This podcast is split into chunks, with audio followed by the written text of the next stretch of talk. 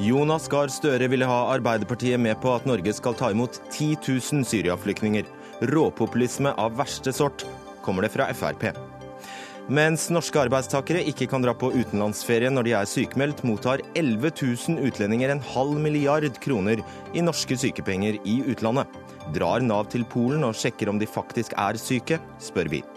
Og med billig sprit skal landet bygges. Taxfree-handlende nordmenn på reise finansierer flyplassene våre. Nå kan ordningen stå for fall.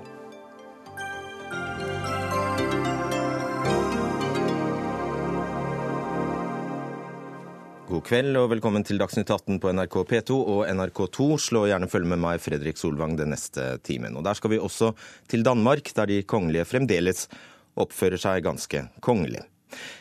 I sin første tale til et ordinært landsmøte i Arbeiderpartiet sa Jonas Gahr Støre i dag at Norge bør ta imot 5000 syriske flyktninger i år og 5000 nye neste år. La oss høre et utdrag av talen. Politikken vi utvikler nå, skal vinne velgernes tillit i 462 valg i september. Og vi er på rett vei. Målet er klart. Arbeiderpartiet skal bli valgvinner i 2015, og vi skal vinne valget i 2017.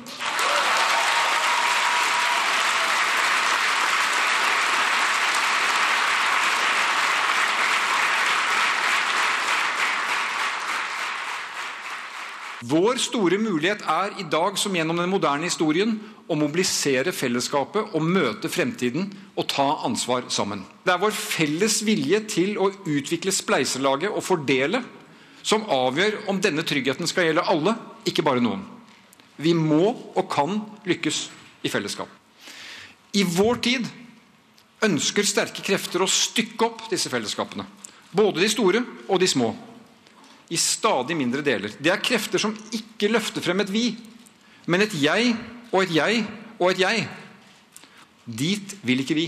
Det mest midlertidige i forslaget om midlertidige ansettelser, det er forslaget selv.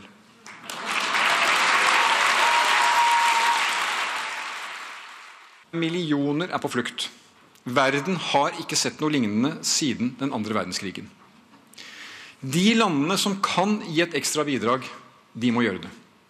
Vi skal svare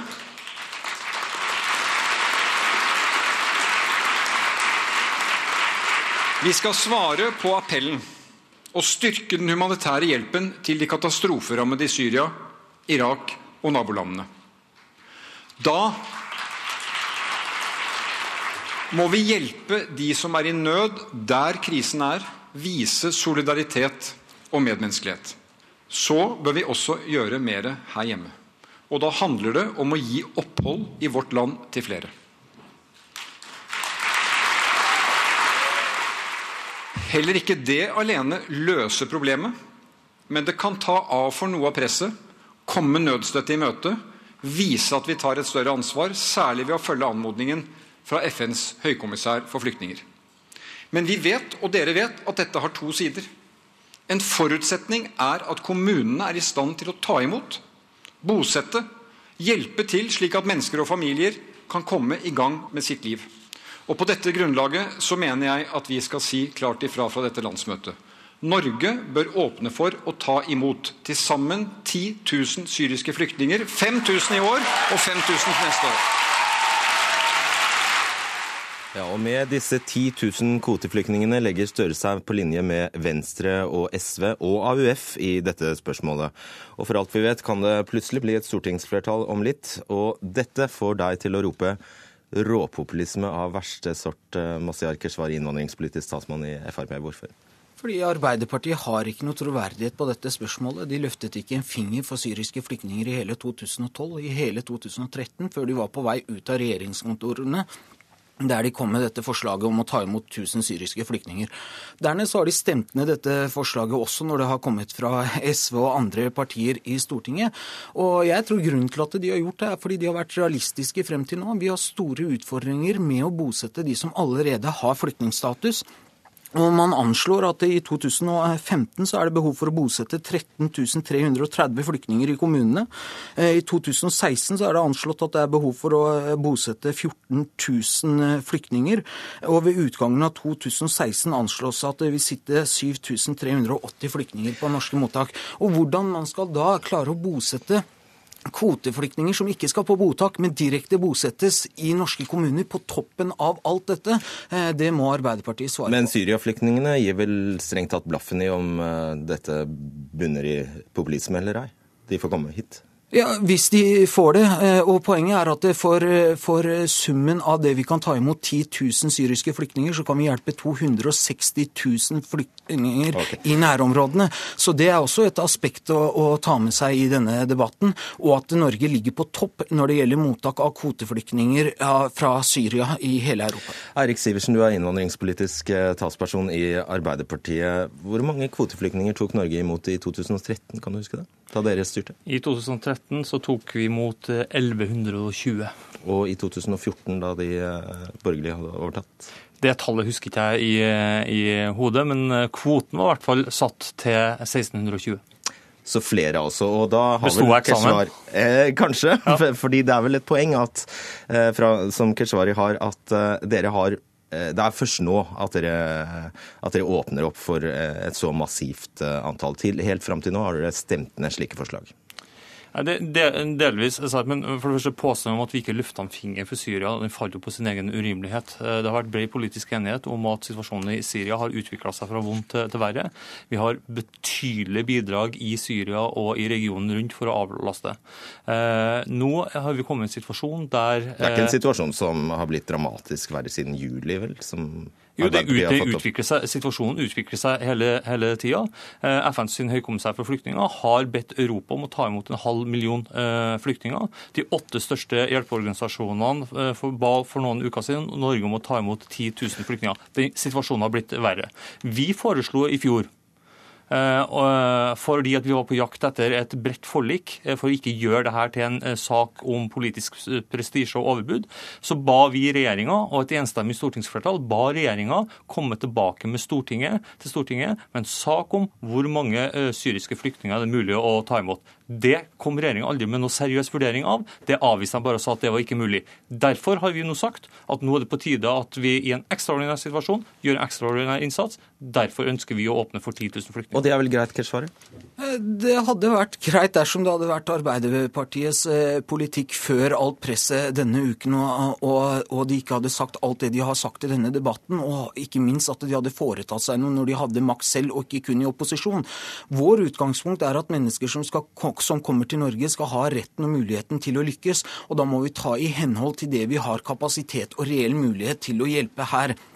Og det ekstraordinære situasjonen i Syria er jo det som har gjort at eh, vi har vært med på å vedta at Norge skal ta imot rekordmange kvoteflyktninger fra Syria. Vi er på topp i hele Europa når vi ser på antall eh, innbyggere Norge har. Og da er det uansvarlig å skulle drive og by over hverandre. Hvorfor vil ikke Arbeiderpartiet ta imot 20 000 eller 50 000 eller 100 000? Eh, det er jo millioner av mennesker som er på flukt. Så hvis man først skal begynne å sette i gang en konkurranse om hvem som er snillest ved å ta imot litt grann mer, så tror jeg ikke det er det mest eh, nyttige i denne debatten. Svar på den. Altså, Keshvari forveksler jo åpenbart begrepene populisme og solidaritet. Eh, og her er det jo, det er jo nok flyktninger å forsyne seg av. Eh, men hvis vi skal ta en begrunn... Men hvorfor akkurat 10 000? Jo, men Jeg kan begrunne eh, 10 000. For det første så har eh, Høykommissæren for flyktninger eh, bedt Europa om å ta imot 480 000 eh, flyktninger. Hvis vi tar Norges andel av det, så korresponderer det ganske bra eh, i, altså i forhold til befolkningen, så korresponderer det ganske bra med, med 10 000. En annen begrunnelse er at det var det hjelpeorganisasjonene, de største hjelpeorganisasjonene, de som har folk på bakken i, i Syria, eh, ber Norge okay, om å ta imot. Da vil jeg spørre deg om noe annet. Eh, Støre legger jo her inn et, det som kan tolkes som et forbehold om at 10 000 er greit så fremst kommunene har kapasitet til å ta dem imot. Hva skjer hvis eh, disse allerede sprengte kommunene ikke vil eller kan? Ja, altså det, det, er en, det, er ikke et forbehold, men det er jo en erkjennelse av at det her er ikke noe fix. Det er en krevende situasjon. Vi har hørt Keshvari redegjøre for at uh, Frp-statsråden Så hvis svaret er nei, så kommer det ikke 10 000? Nei, det er ikke jeg sier. Altså, Keshvari har jo nettopp redegjort for at Frp-statsråden ikke klarer å løse den utfordringa vi har, har, i dag, så vi må ha nye, virke, eh, nye virkemidler. Eh, Sivertsen, jeg... Dette blir, dere hadde åtte år, og den restansen som var når, den, når Frp og Høyre gikk i regjering, så var det ca. 5500 mennesker på norske asylmottak som hadde fått innvilget søknaden sin, som fortsatt bodde der. Det var ca. like mange som hadde fått avslag og fortsatt bodde der. Og på toppen av det hele så var det ca. 7000 mennesker med avslag som var utenom mottakene. Og hvis jeg da kan få fullføre, eh, fullføre, eh, svaret mitt, eh, så er det jo sånn at da må vi i partnerskap med kommunene finne ut av det her. Men vi har gjort det før. Det er jo ikke nytt. Vi gjorde det her på 90-tallet under krisen på Balkan. Da tok vi imot et stort antall mennesker. Vi fikk til nasjonal dugnad. Vi fant de økonomiske midlene. Forskjellen på oss og Frp er at vi vil og tror at vi får det til det her. Frp vil ikke, og okay. de tror ikke vi får det til. Og Så får vi se om landsmøtene i Senterpartiet og Kristelig Folkeparti sier noe om dette. Takk skal dere ha, Masiar Keshvari og Eirik Sivertsen. Vi skal holde oss til temaet Jonas Gahr Støres eh, landsmøtetale, for han var da altså innom alt fra nordområdepolitikk til den kulturelle spaserstokken i talen sin. Han mante til måtehold når det gjelder alkohol, og han påsto regjeringen underfinansierer kommunene.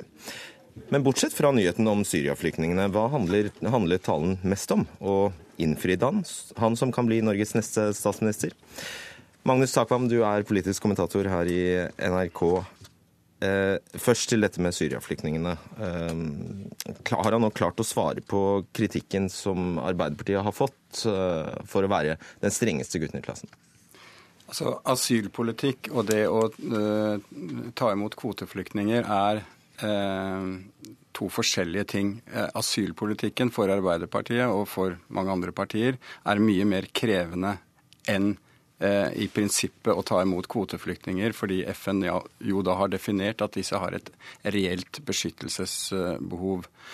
Eh, det som skjedde, er at gitt den ekstraordinære negative utviklingen, den krisen som har vært på flyktningområdet i Syria, der nabolandene ikke har lenger kapasitet til å ta imot flyktninger i nærområdet, så, så ser alle at utviklingen har eskalert, og det et, har vært et krav i Arbeiderpartiet fra en lang rekke fylkespartier, fra AUF osv. om å gjøre noe med det.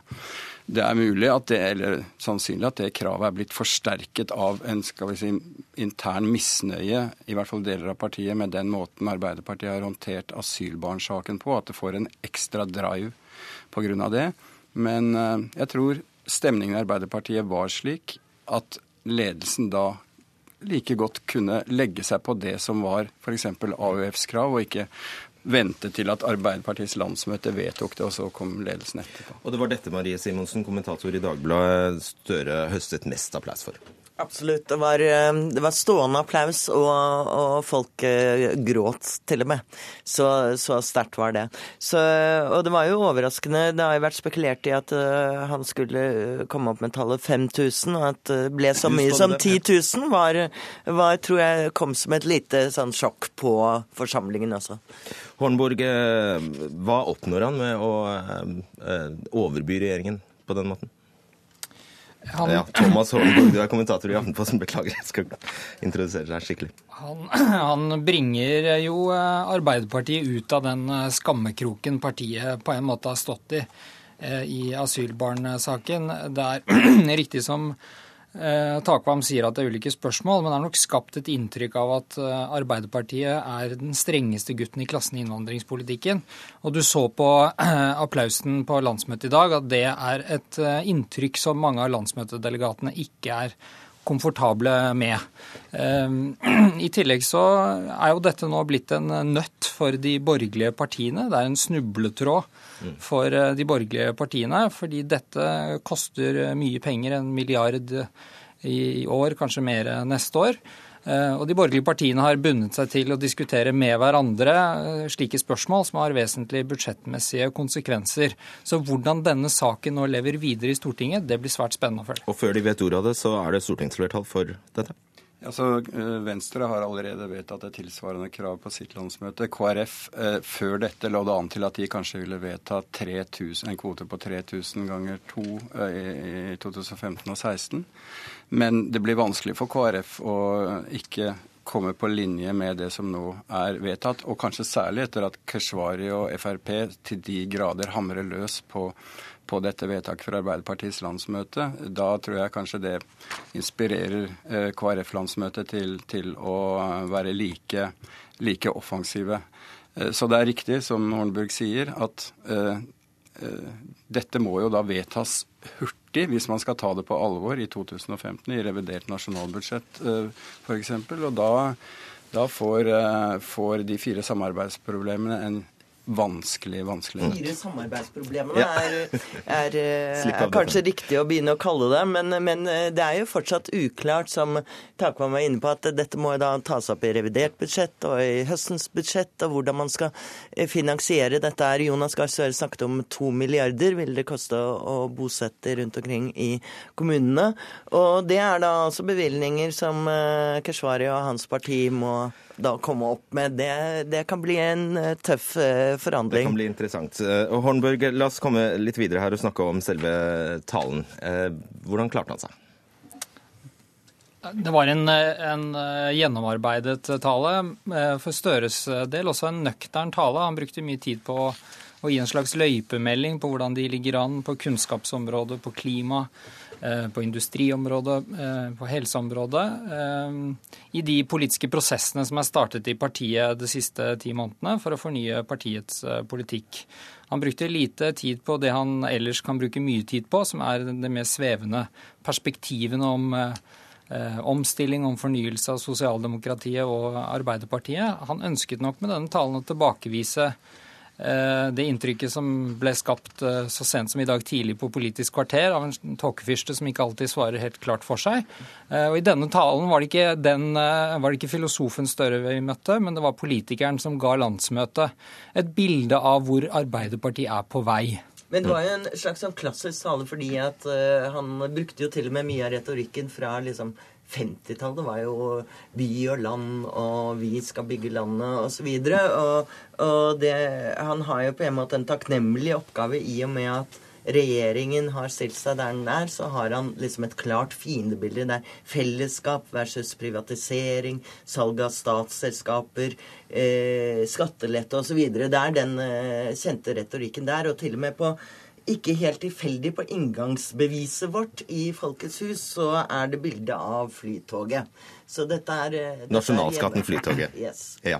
Takvam, eh, han varslet, altså Det største grepet han varslet på klimafronten, var altså å øke avsetningene til klimafondet til 100 milliarder kroner. Men dette var da også Høyres trylleformular på klima, var det ikke? Jo, altså dette er noe Støre har varslet tidligere, og det er eh, på en måte det typiske er jo at de satser på teknologisporet og, og bevilger eh, Overbyr da eh, skal vi si, bevilgningene til Klimafondet som Enova eh, administrerer. Han var vag på det som er det mest kontroversielle i norsk miljø- og klimadebatt, nemlig petroleumsvirksomheten, der han nøyde seg med å si at der må de ulike hensynene balanseres. Vi må ta inn over oss kunnskapen. Ja, sånn at Det er en eh, debatt som kommer for fullt eventuelt på neste eh, landsmøte i 2017, da partiet må fornye sitt program og Lofoten-Vesterålen-problematikken f.eks. Eh, blir en åpenbar eh, eh, konfliktsak på, på landsmøtet. Eh, Hornburg, hva ser strategien ut til å være for Arbeiderpartiet videre nå? Strategien er å eh, bruke opposisjonstilværelsen til å utvikle ny eh, politikk. Eh, og Støre eh, har jo gitt eh, det sitt preg, og det syns jeg vi så i talen i dag også. at eh, han snakker mer om den nasjonale klimapolitikken enn han snakker om den internasjonale, som Jens Stoltenberg ville vært trukket mot. Han snakker mer om rus, alkohol, overvekt, søtt og salt og slikt. han snakker om sykehuspolitikk. Han trekkes mot folkehelse. Han snakket om fagarbeider og yrkesfag.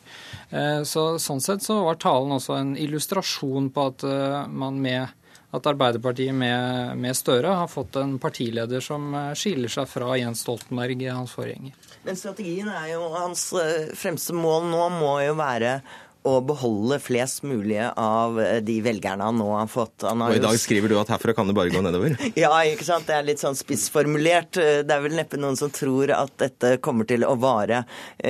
Han har innkassert nesten all misnøyen med, med regjeringens politikk og med bråket i den borgerlige leiren. Og uten egentlig å ha løftet en finger nærmest for å gjøre det.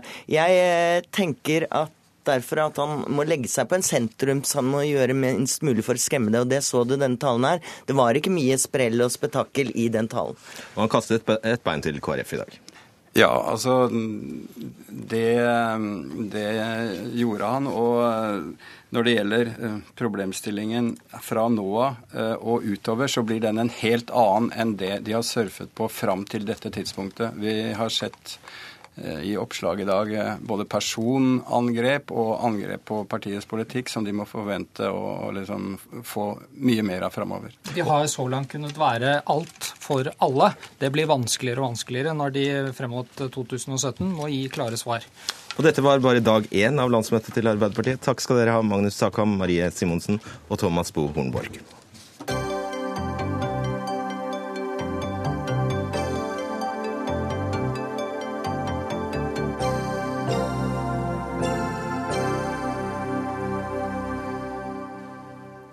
6,8 milliarder kroner betalte den norske velferdsstaten til utlandet i 2013.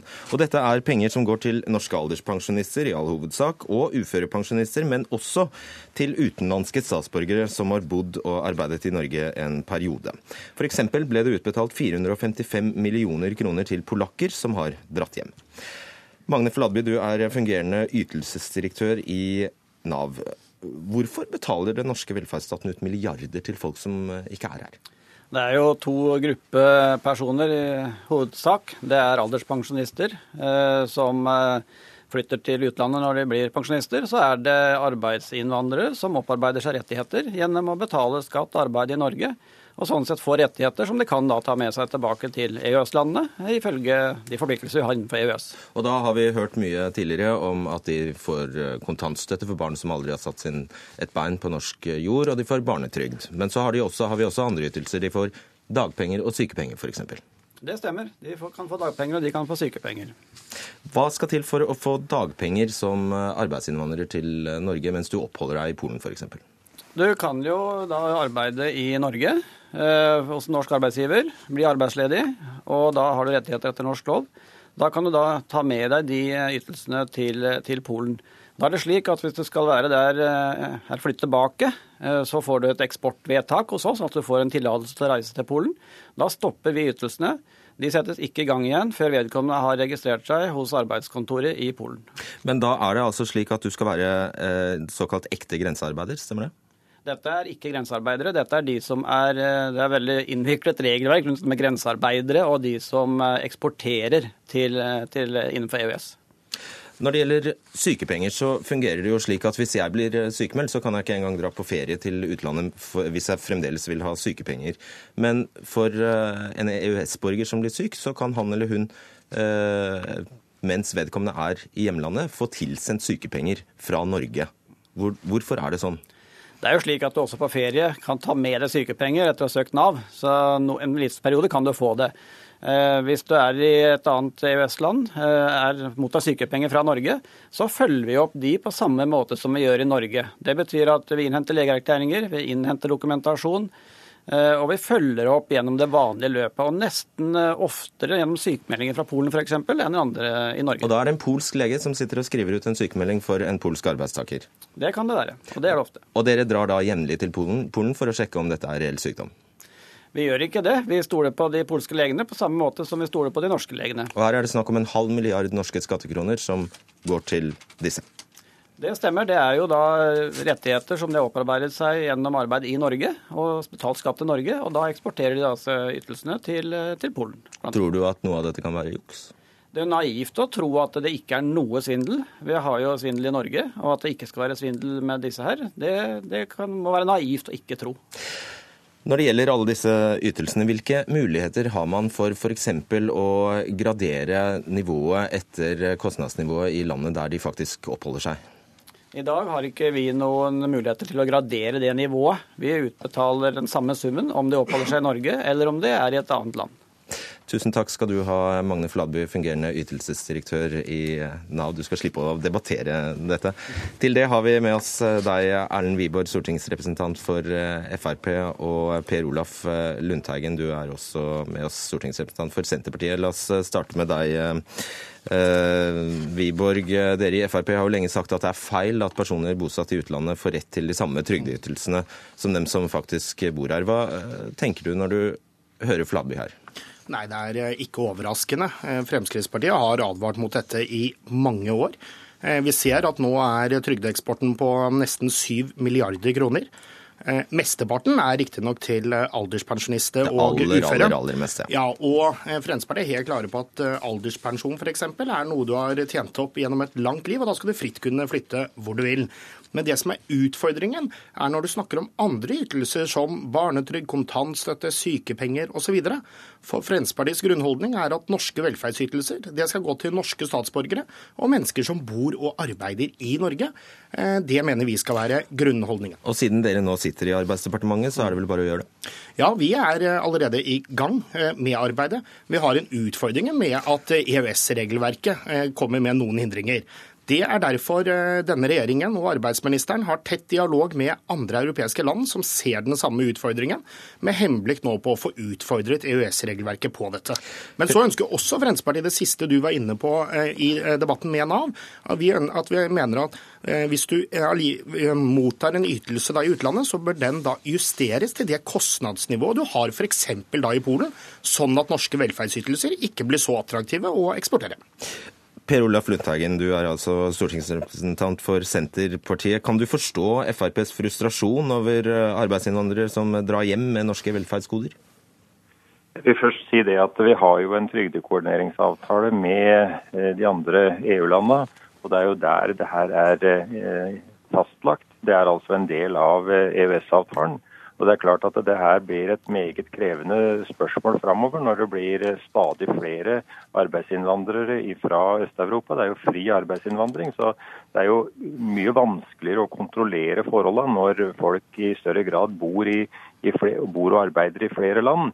Så det her er krevende. Eh, hvordan en så skal gjøre det her, det, det er et vanskelig spørsmål.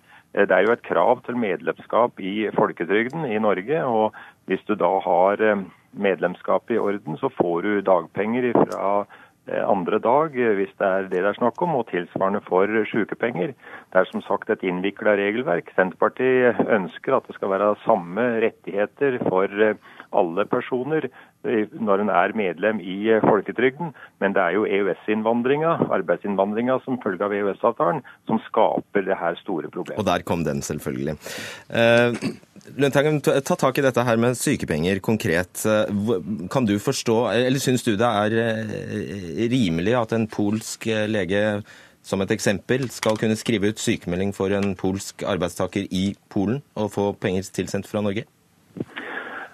Ja, Det er eh, et krevende spørsmål, som Nav-direktøren sa. En må jo stole på folk, men muligheten for å kontrollere at det er en samme kultur som gjelder eh, for diagnoser i Polen som det er i Norge, det vil jeg si er et veldig vanskelig spørsmål å, å ta stilling til. Det er egentlig eh, eh veldig, veldig vanskelig. Wiborg, eh, du sier at dere er i gang med, med dette. Men det er jo ikke Det har jo vist seg å ikke være helt enkelt å komme seg ut av dette. Det er altså en stor avtale som heter EØS ja? Eh, høyeste grad. Og det er jo derfor Fremskrittspartiet også har sagt at vi nå skal utfordre EØS på dette. Eh, for det er to løp vi har. Det ene er å få eh, sett på EØS-avtalen, om det er mulig å få justert den, sånn at vi kan sikre at norske velferdsytelser går til norske statsborgere og mennesker som bor og arbeider i Norge. Men frem til vi får til det, så har vi flere andre grep. Det ene jeg var inne på, var det med å kostnadsjustere eh, ytelsene til det landet du bor i. Men det er jo også omstridt? Nei, nei, men ta et eksempel. Det at gjennomsnittlig årslønn i Polen er drøye 75 000 kroner i året. Og Det betyr at med norske velferdsytelser kan du da leve særdeles godt i f.eks. Polen, eh, og det er ikke hensikten. Og Da syns jeg også er litt spesielt at Senterpartiet eh, har en så tilbakelent holdning, når f.eks. når vi hører da at en polsk lege kan skrive ut sykemelding som medfører utbetaling fra norske myndigheter til en person som ikke er i Norge, som Norge har ikke mulighet til å kontrollere. Det er ikke et system Fremskrittspartiet støtter. Vi mener at det skal være norske leger som skriver ut eh, sykemeldingene, som da medfører utbetalinger fra den norske eh, folketrygden. Men så er det et annet... Ja, Lundtagen, du burde hisse deg litt mer opp. Nei, jeg eh, gjør ikke det. Altså Det å kostnadsjustere ytelsene i forhold til hvor folk bor hen, det tror jeg Fremskrittspartiet vil trekke seg på når de tenker seg nærmere om. Eh, det er en, eh, et, et, system som blir umulig å praktisere, og som ikke er, er likeverdig. Skal norske borgere som da velger å, å, å, bo i utlandet, få da lavere pensjon fordi de har et lavere kostnadsnivå? Det er umulig å stille sånne krav. Men når det gjelder kravene til dagpenger, altså ved arbeidsledighet og sykepenger, ved sykdom, så er det altså Når du er medlem i den norske folketrygden, så får du ytelser da etter å ha én dag i arbeid. Og en kan jo stille spørsmålstegn ved om det er et riktig krav, om ikke kravet bør være lengre eh, deltakelse i det norske arbeidslivet for å få del i de ytelsene som der er. Det er et naturlig spørsmål som Senterpartiet er opptatt av. Wiborg, det er jo en kjensgjerning at disse utbetalingene som da går til utlandet, utgjør 2% av de samlede utbetalingene i 2013. Det er jo ingenting, nesten. Nei, det er riktig at eh, utfordringen ikke er veldig stor enda, men vi ser at eh, det har mangedoblet seg de siste ti årene. Og Det viser at vi må ta eh, grep allerede nå. For vi alle er enige at vi skal ha et godt velferdssystem i Norge. Men skal vi kunne ha et godt velferdssystem i Norge, må vi sikre oss mot misbruk. Og da kan man ikke bare sitte stille, som Senterpartiet her velger å gjøre, og bare se på dette. Man må faktisk foreta grep grep, sånn at vi sikrer intensjonen bak velferdsytelsene, at det skal gå til norske statsborgere, men som bor og arbeider i Norge. Viborg, da men vi på... jeg ja, ja. bare rette opp én ting som Lundteigen sa. Da han begynte å snakke om at man skal kutte i pensjonene til mennesker som bor i utlandet. Det er feil. Fremskrittspartiet er klare på at alderspensjon er en opptjent rettighet som mennesker har betalt inn gjennom et langt liv. Da har vi avklart det. Vet du hva, vi, vi, da... Han skal være litt mindre frekk fra Fremskrittspartiet nå snakker om tilbakelent Fremskrittspartiet som legger opp til fri arbeidsinnvandring. Det er jo det som er problemet her. sånn. Det er Fremskrittspartiet som er problemet. Senterpartiet er foroverlent. Og da venter vi på tiltakene fra Frp-statsråden. Takk eh, Erlend Wiborg og Per Olaf Lundteigen.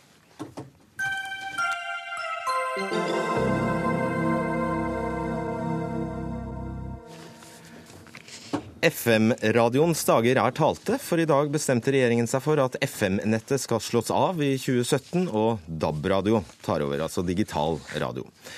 For nå er, de digital, nå er de såkalte digitalkriteriene oppfylt, og vil si at de fleste av oss har en DAB-radio, og de fleste av oss kan eh, få inn DAB-signaler. Kulturminister Toril Vidvei fra Høyre, det har jo veldig lenge vært snakk om eh, dette her eh, du sto mellom valget å slå det av i 2017 eller 2019. Hva var det som fikk deg til å gå for 2017? Ja, det er helt riktig. Stortinget har vedtatt at eh, FM-nettet skal slukkes. Og så satte de eh, fem kriterier eh, og sa at når, hvis de blir innfridd, så kan man slukke i 2017, eller så må man vente til 2019. De kriteriene de har altså fått en grundig vurdering fra Mediatilsynet og eh, av Nkom, eh, Nasjonal sikkerhetskommunikasjon, og det er jo de har kommet fram til at disse er innfridd. Og da det, var det veldig klart for oss å få gi den beskjeden veldig tidlig, sånn at både de som er på nettet, som har ansvaret for å organisere dette, lytterne skal få god tid til å kjøpe seg adaptere eller eh, DAB-radio, og, eh, også andre som eh, bilradioer får muligheter for å kunne tilpasse seg det. Det er et lite stykke fram til 2017. Det skal gradvis stenges ned i 2017, så her har man da gitt denne meldingen så tidlig. Sånn at det er god tid til å tilpasse seg. Og Tor Gjermund Eriksen, kringkastingssjef. Hvis jeg har forstått eh, dette kriteriet rett, så er, er, består det altså i at over halvparten skulle ha en DAB-radio. Da er det jo ganske mange som ikke har det over halvparten skulle lytte til digitalradio hver okay. dag, var eh, kriteriet. Og dette, den beslutningen som regjeringen har tatt i dag, er en veldig viktig beslutning for å styrke norsk radio. Vi må huske på at, eh, at eh, mange undersøkelser viser akkurat nå at radiolyttingen øker. Og det er helt riktig som Toril Vidvei sier, det er fordi det er et bedre radiotilbud. Flere kanaler, flere som får det radiotilbudet som de ønsker seg. Det hadde ikke vi klart uten DAB. Og Derfor er også Norge det eneste landet jeg vet om som har faktisk en ganske markant økning i radiolytting eh, nå. Det er helt fantastisk. Eh, og så er det sånn at de aller, aller fleste hjem i Norge nå har DAB-radio allerede. Det har, er det sånn? Ja, altså det er vel en 60% eller noe sånt som har DAB-radio. Eh, og et lite resonnement hvis, hvis, Nå sitter jeg med en mobiltelefon her. Disse selges det 2,1 millioner av i året. Alle i snitt så bytter vi de annethvert år.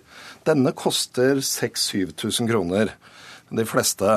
Og vi bytter dem annethvert år. Når vi snakker om å bytte radioer her, så får du egentlig en god radio til 300-400 kroner, og den varer i ti år. Eh, vi bytter 400 000 TV-er i året. Altså, Akkurat den operasjonen er eh, det norske publikummet godt i gang med allerede okay. og kommer til å løse. Vidvei til det praktiske. Hvordan skal du gjøre det? Skal du slå deg av alt på en gang? Skal du utfase det? Hvordan skal du gjøre det? Ja, Det som Stortinget har sagt, er at de riksdekkende kanalene skal, altså på FM skal slukkes eh, sentralt. Og eh, det, det, som er viktig Samtidig. Det, Ja, samtidig. Og så har de også sagt at de store, de største da, eh, lokalradioene i tilknytning til eh, fire byer, de fire største byene, eh, de vil også da måtte slukke. Og så har de da sagt at på sikt så skal selvfølgelig også resten slukke, men at man da må se på en overgangsordning for de mindre lokalradioene som ikke har hatt de samme finansielle musklene som de de større til å kunne tilpasse seg dette. Og det er deg, Svein Larsen, styreleder i Norsk Lokalradioforbund. Men du er ikke fornøyd likevel? Nei, og nå tilhører jeg de som ikke da bytter mobil så ofte som eh, Gjermund Eriksen. Men det fantastiske er både på den og den Gjermund Eriksen viste, så får vi alle radiokanaler. Dette er den nye digitale eh, plattformen. Og det er det som kanskje er litt av problemet. Vi har holdt på altfor lenge med beslutningen. Jeg møtte dette på 1990-tallet. Og skulle vi gjort det, så skulle vi gjort det mye før. Nå er det for sent. Ja, Så du sier at man kan like gjerne hoppe over dette DAB-trinnet og så gå rett til uh, nettradio? Yes, det var det man burde gjort. Man burde opprettholdt FM i noen år til. Uh, og så gått rett over på andre digitale plattformer. fordi at den prosenten du snakket om, og det vet Gjermund Eriksen, men ikke alle, det er jo at det er jo ikke DAB-lytting det er lytting på digitale plattformer. Og DAB-lyttingen er én av dem, men, og, og, en sentral en, men det er like mye på andre plattformer. Tuller du med tall? Nei, det er en sentral en. Det er nesten hele. Uh, og, den, og, den, vokser fra uh, kvartal til kvartal. Og, og, En av forutsetningene i stortingsvedtaket var jo at radioaktørene, bl.a. NRK, skulle gi såkalt digital merverdi. Det har vi gjort bl.a. gjennom å opprette P1 Pluss, som er en radiokanal for de voksne lytterne. Og den har blitt kjempepopulær, og det har ført til at folk faktisk helt frivillig og med ganske stor glede har byttet ut radioapparatene. Men hvorfor har ikke Larsen et poeng i at dette trinnet her med DAB er unødvendig, så lenge folk eh, bruker, kan bruke nett? Jo, men det er jo ikke sånn at folk flest lytter på radio på disse Han har jo rett Du kan lære dem til det? Jo, men nesten all radiolytting er fortsatt på vanlig kringkastet radio.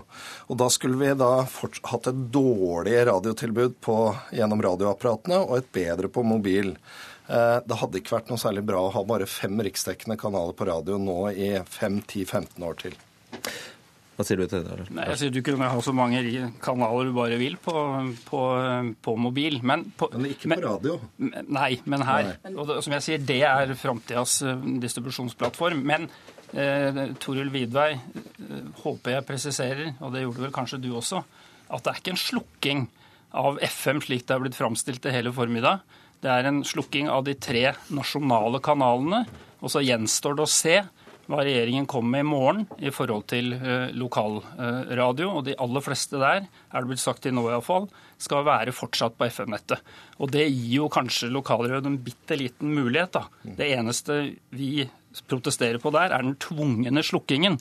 At Høyre-statsråden skal stå for tvang, ikke frivillighet. For det første så regner jeg med at vi alle forholder oss til den samme stortingsmeldingen, digitale meldingen som ble, digitalradiomeldingen som ble vedtatt i Stortinget. Der var det helt klart eh, sagt at eh, de eh, små lokalradioene de ville man vente med, at man, de skulle gis en overgangsordning. Okay. Og det er det vi skal fremme en stortingsmelding med, og fortelle hva da det systemet skal legges opp til. Men bare la meg presisere at det, det er flott. Det er veldig mange lyttere i dag som også lytter på nett. Som lytter på mobiltelefon, som lytter på radio på nett. Men det er også sånn at vi har ulike beredskapsavtaler. Så er NRK eh, eh, pålagt å, å, ha beredskap. Og vi vet jo det at det er ikke, mobildekningen er ikke like god f.eks. i hele landet. Og Derfor så er det utrolig viktig at vi har P1 som eh, er, har en, den kapasiteten til at du kan nå ut til alle folkene. Og med dette nye systemet så blir det faktisk bedre med tanke på en du, en detalj til det. En detalj til det. altså når, eh, Hvis vi skal varsle som krig, er det på Snapchat det skal skje, eller hvordan skal det foregå når du stenge ned FM-nettet? I dag så har vi en, en nedfelt avtale i henhold til kringkastingsloven med NRK om hvordan eh, myndighetene kan bruke, og det er bl.a. at NRK skal være sikker på at det er dekning, eh, og at det skal kunne nå ut til hele landet. Det er en veldig viktig premiss for det. Og da er dette systemet mye, mye bedre enn det som eh, FM-nettet dekker i dag. Du vet jo, Fredrik Solvang, at, at det sies om nordmenn at vi er født med ski på beina, men vi er også født med en ryggmark, med ryggmarksrefleks som sier at at hvis det er fare, så lytt til radio. Uh, og det pene i dag er eh, en eh, kanal som når hele landet. Vi har krav om 99,5 husstandsdekning. Og det er klart at vi kan ikke holde oss med et gammelt, gammeldags og dårlig vedlikeholdt FM-nett. Da måtte vi ha investert i det. Da er det mye bedre også skifte over til Og det er noe av motivasjonen for NRK her, fordi det koster å holde liv i dette FM-nettet samtidig med DAB-utbygging? Mye bedre å bruke pengene på innhold og programmer enn på sendere og kabler. Kan du ikke forstå NRK, Larsen? Jo, altså virkelig. Jeg forstår Gjermund Eriksen og jeg forstår eh, NRK i forhold til akkurat det. De vil ikke betale for dobbelt distribusjon eh, og vil unngå det så lenge som mulig. Det eneste jeg ikke forstår, eh, men der har ikke NRK vært av de mest aggressive, det skal sies. Det er statsråden og, og P4 og Radio Norge som skal påtvinge eh, andre en eh, tvungen slukking av FM-båndet eh, når vi er der fra før og kan tenke oss å være der, og, og, betale for det. Ja, men Jeg vil tippe du er opptatt av mangfoldet som representant for lokalradioene. Og dette vil jo unektelig føre til et mye større mangfold? Nei. Det vil unektelig føre til et mye mindre mangfold. Ja vel. Fordi det vil føre til et større mangfold hvis du definerer det som antall rikskanaler. Det er derfor NRK og P4 Radio Norge ønsker å gjøre dette. For de får langt flere rikskanaler. Det vi sier da, det er jo på en måte Altså Det er ikke noe negativt. Men det vi da ber om for at lokalradio skal overleve, og være en bransje, hvilket ikke er helt sikkert, avhengig litt av den meldingen i morgen, mm. så ber vi om å ha noen få konkurransefordeler. Og det man ikke snakker om, de tre har 96% markedsandel.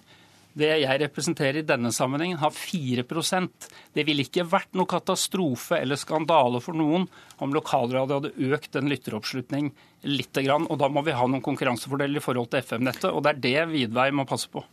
Helt til slutt, eh, altså I går slaktet den svenske riksrevisjonen hele digitaliseringen i Sverige. Hvorfor skulle situasjonen være så veldig annerledes i Norge?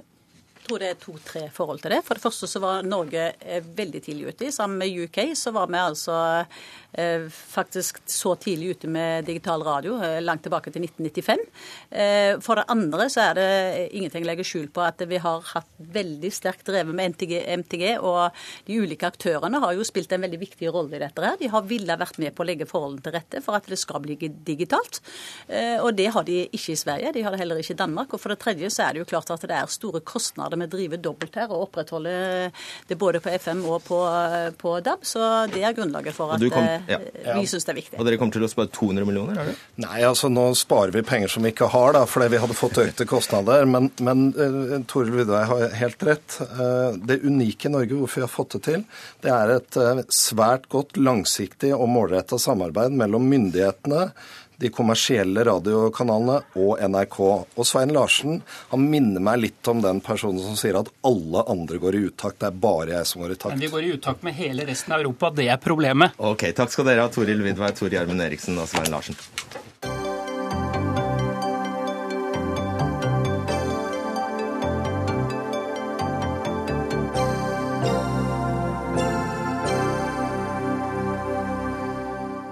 Arbeiderpartiet vil av klima- og helsehensyn nedskalere taxfree-salget av alkohol. Arbeiderpartiet bør ha som mål å avvikle ordningen, og inntil dette er mulig, bør Vinmonopolet ta over driften. Kvoten for alkohol reduseres, taxfree-områdene på flyplassene nedtones og nedskaleres, slik at de ikke er en naturlig del av passasjerenes ferd gjennom flyplassen, og markedsføringen minimeres. Ja, denne teksten kan kan Arbeiderpartilandsmøtet komme til å stemme for i løpet av helgen, selv om flere fylkeslag allerede har varslet motstand av frykt for distriktene distriktsflyplassene. Og Partileder Støre har sagt at han ikke tror på snarlig avvikling av taxfree-ordningen.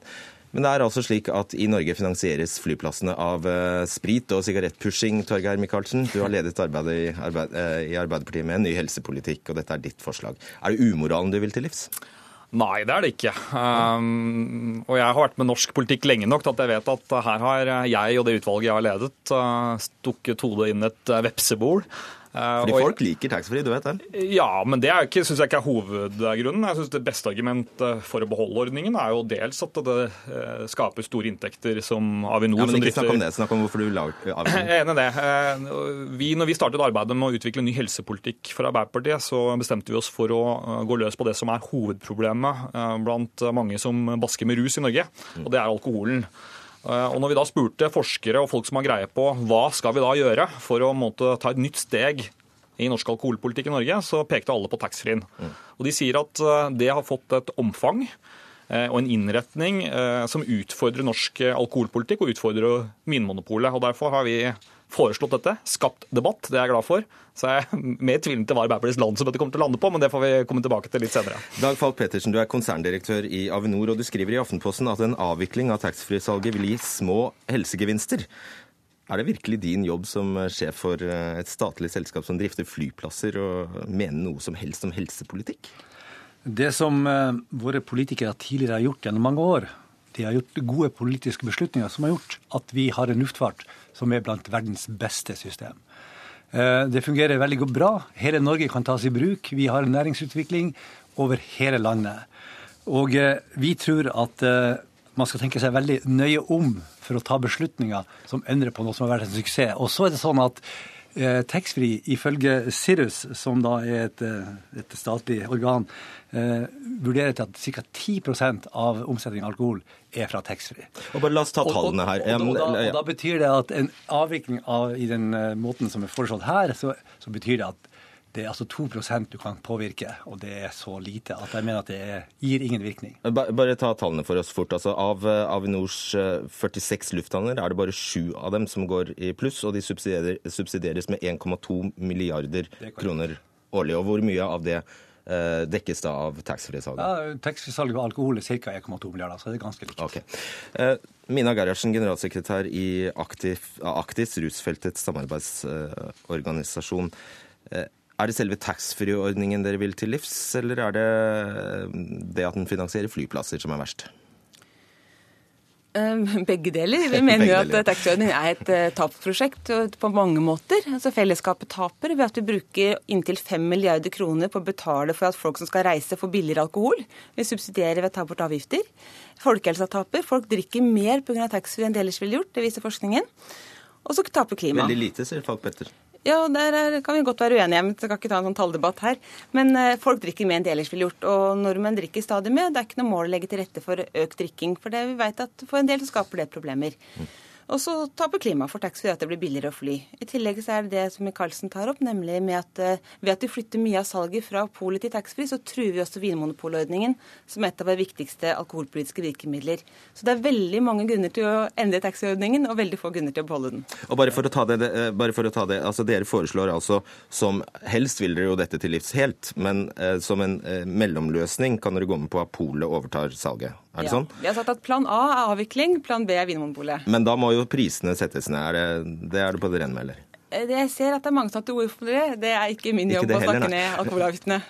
Eh, Michaelsen, altså, hvor skal du skaffe disse pengene? Altså 1,2 milliarder kroner. Kan du da garantere at Stortinget hvert eneste år vil bevilge det? Jeg kan i hvert fall garantere at det er ikke slik at taxfree-ordningen er et overskuddsfenomen for Norge i dag. Altså, det er ikke slik, det er en utbredt misforståelse at hvis man tar vekk taxfree, så går inntektene ned. De går opp det er uklart hvor mye de går opp, men at det er et milliardbeløp som kommer tilbake til staten fordi en del av omsetningen vil foregå f.eks. For i Vinmonopolet. Uh, ja, Det er ikke noe tvil, altså, jeg gikk noe tvil om. Så det er fullt mulig. Jeg var, jeg var helt overbevist om at Arbeiderpartiets landsmøte aldri vil måtte vedta noe politikk som truer småflyplasser andre steder rundt omkring i landet. Det er det fullt mulig å betale for andre steder. Så jeg syns ikke det er det beste argumentet uh, for å opprettholde det. Men så kullsviertro på Stortinget har ikke du? Eh, jeg har stor tro på Stortinget, så det kan ikke det være noe tema her. sånn, Men vi deler jo ikke det synet at, at inntektene vil gå opp. Når du prater om 5 milliarder i økte inntekter, altså det hvis du har et nullkvotesystem, altså ingen innførsel av alkohol overhodet, det betyr både over grense med bil eller med båt eller hvor det måtte være, så vil du kanskje få en økning. Men jeg tror at det forslaget som Og det er ingen som har foreslått det i den debatten. Det som vært foreslått, er å fjerne taxfree på ankomst. Da overfører du alle inntektene til eksterne aktører. Jeg var senest eh, denne uka i utlandet og snakka med andre aktører som ønsker seg den ordninga som er foreslått, slik at de kan tjene pengene i Sverige, i Danmark, i Amsterdam. Og det ville være helt, helt feil. Tror du virkelig at vi gidder å drasse med oss alle de flaskene om bord på flyet? Nei, jeg tror ikke jeg vet det. Fordi at eh, vi hadde den ordninga tidligere, og det var slik at eh, alle hyllene på flyene de var fulle av alkohol, og det var helt vanlig å ta med seg alkohol. Og Dag Gerhardsen, da har du jo ikke oppnådd noen ting?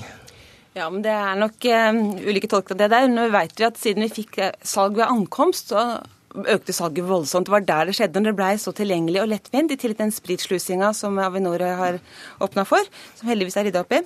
Men 90% av alkoholen kjøpes nå ved ankomst. Og det ser for seg at folk skal til å bære med seg disse seksflaskersnettene som man får på taxfree nå, fra, på flyreisa. Det er, det er, lite trolig.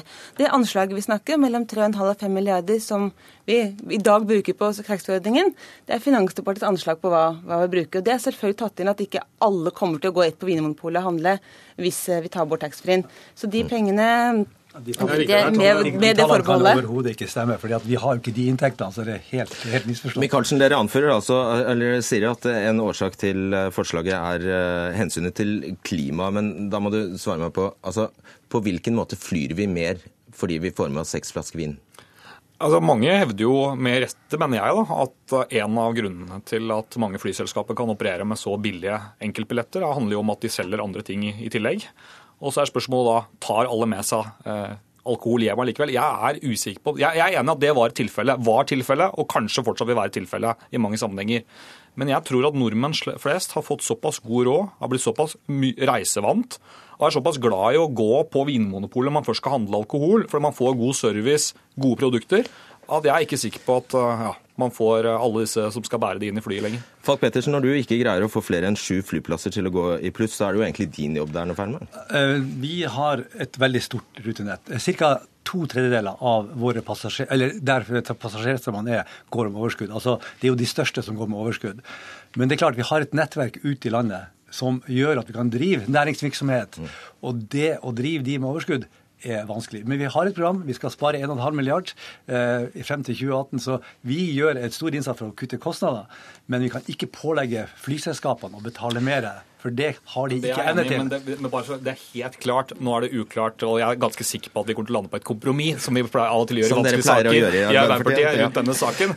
Eh, men det har altså vært helt uaktuelt, både fra min side og andres eh, side, å se for seg at man skulle kutte Avinors inntekter med et milliardbeløp. Hvis man gjorde det, det måtte selvsagt vært kompensert på en ordentlig måte, krone for krone. Men da vil vi stå i kø fordi at det er store store etterslep på vei og bane, og ja. den køen er vanskelig. og Men da kanskje kan Stortinget ta stilling til det, og ikke du i et statlig selskap. Takk skal dere ha, Dag Falk Pettersen, Torgeir Micaelsen og Mina Gerhardsen.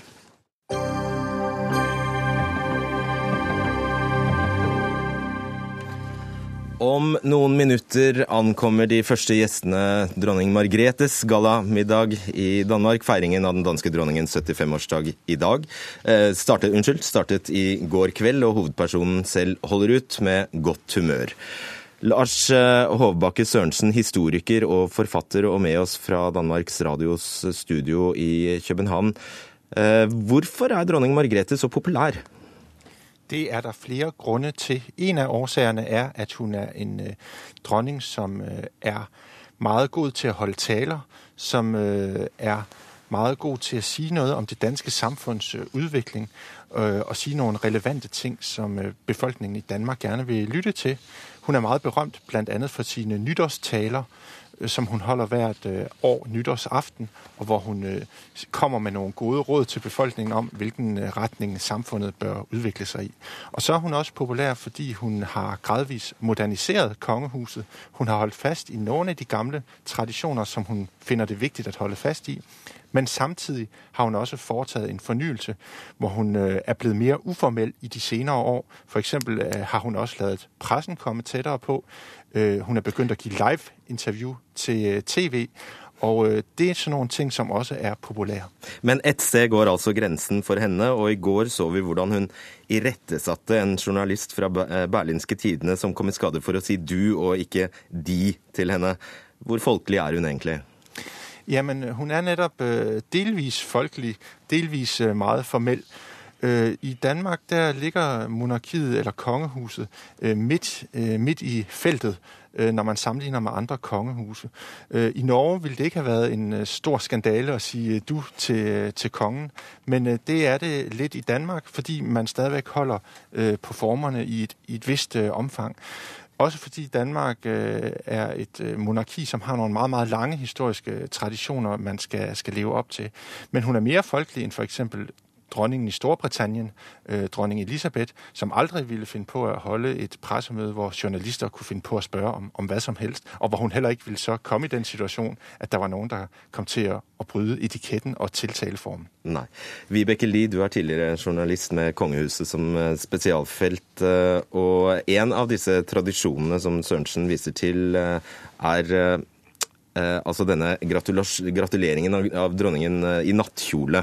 Eh, og noen av de som gratulerte dronningen med dagen via Danmarks Radios nettsider, etterlyste morgenhår og nattkjole da hun ble vekket med sang i morges. Eh, men var hun godt forberedt?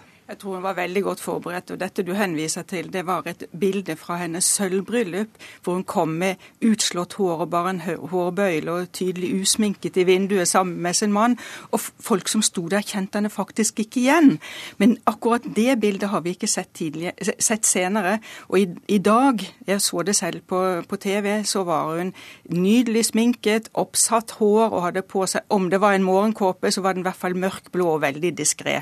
Ikke blomstrende sånn som den hun hadde på under sølvbryllupet. Du har dekket flere pressemøter à la det der, som ble holdt i går, der journalisten fra Berlingske Tidene ble irettesatt. Eh, hvordan er hun? Er hun streng i møte med journalister? Nei, det vil jeg absolutt ikke si. Dette var vel et unntakstilfelle. Jeg tror ikke noen har sett akkurat dette her eh, tidligere. Og nei da, hun er veldig flink. Hun svarer på alle spørsmål. Men hun har også vært i enkelte mindre sammenhenger. Jeg husker på, vi var på en utstilling hvor noen ville spørre henne om Fredriks forhold til Mary før det ble Da avbrøt hun bare pressemøtet og gikk. Har eh, Sørensen rett i at, aldri, at en norsk kongelig aldri ville gjort noe sånt? Som det hun gjorde under dette pressmøtet? Ja, det tror jeg absolutt ikke. I hvert fall ikke kong Harald eller dronning Sonny. Nei, jeg tror de er litt mer uformelle. Og det norske kongehuset er jo litt mer uformelt enn det danske. Og det syns jeg Jeg tror ikke de ville brydd seg så veldig. Og hvem er det som sier de til hverandre i dag? Det er jo nesten ingen. Sørensen, eh, noe av populariteten til dronning Margrethe er blitt forklart med at hun er apolitisk, men nylig sa hun ganske klart fra hva hun eh, mener om integrering og innvandrere. Hvordan har det blitt mottatt? Det er generelt blitt mottatt riktig godt. Langt de fleste i den danske befolkning og blant politikerne av dem der har uttalt seg om det, de er positive overfor det. Og Det er nettopp det der også er med til å gjøre henne populær. At hun sier noen ting som, hvor hun peker på noen store samfunnsmessige udfordringer, for eksempel udlændingepolitikken, men hun bliver ikke politisk på den måde, at hun så begynder at anvise konkrete politiske løsninger på, hvad man skal gøre ved problemet. Hva var det, det hun sa egentlig? Undskyld. Hva var det hun sa egentlig? Jamen, hun sagde noget i retning af, oversat, eller ikke direkte citeret, men noget i retning af, at øh, de øh, udlændinge, der kommer til landet, de skal også øh, tænke på, at de er kommet til et, et nytt land, og de skal også tænke på at, at tilpasse seg og, og oppføre seg ordentlig. Hun understregede, at øh, hun ikke er imod det multikulturelle samfunn. Hun har intet imod, øh, at man har, holder fast i sin religion, eller at man har noen bestemte ideer om, hva man skal spise. Men hun sier det er viktig at man sådan generelt tilpasser sig den måten man gjør tingene på i Danmark med hensyn til hvordan man oppfører seg. Til slutt, eh, Vibeke Lie, vår egen dronning Sonja og dronning Margrethe har jo framstått som bestevenninner. Men Sonja er ikke til stede her. Nei, men en, hun har en veldig gyldig grunn. Hun er i USA, i New York, for å åpne en utstilling med sine egne bilder og dele ut en pris. Så dette tror jeg har vært avklart mellom disse to. For er det noe de har felles, så er det kunsten. Det er kunsten, og så er det gleden over naturen. De gikk på ski i mange, mange år sammen. Det måtte dessverre dronning Margrethe gi opp pga. dårlige knær, men hun oppholder seg her om vinteren allikevel en ukes tid oppe i Gausdal. Og da sier jeg tusen takk til dere Lars Håbakke Sørensen med fra Danmark og Vibeke Lie. Ansvarlig for denne sendingen var Alf Hartken, teknisk ansvarlig var Finn Lie, og jeg heter Fredrik Solvang.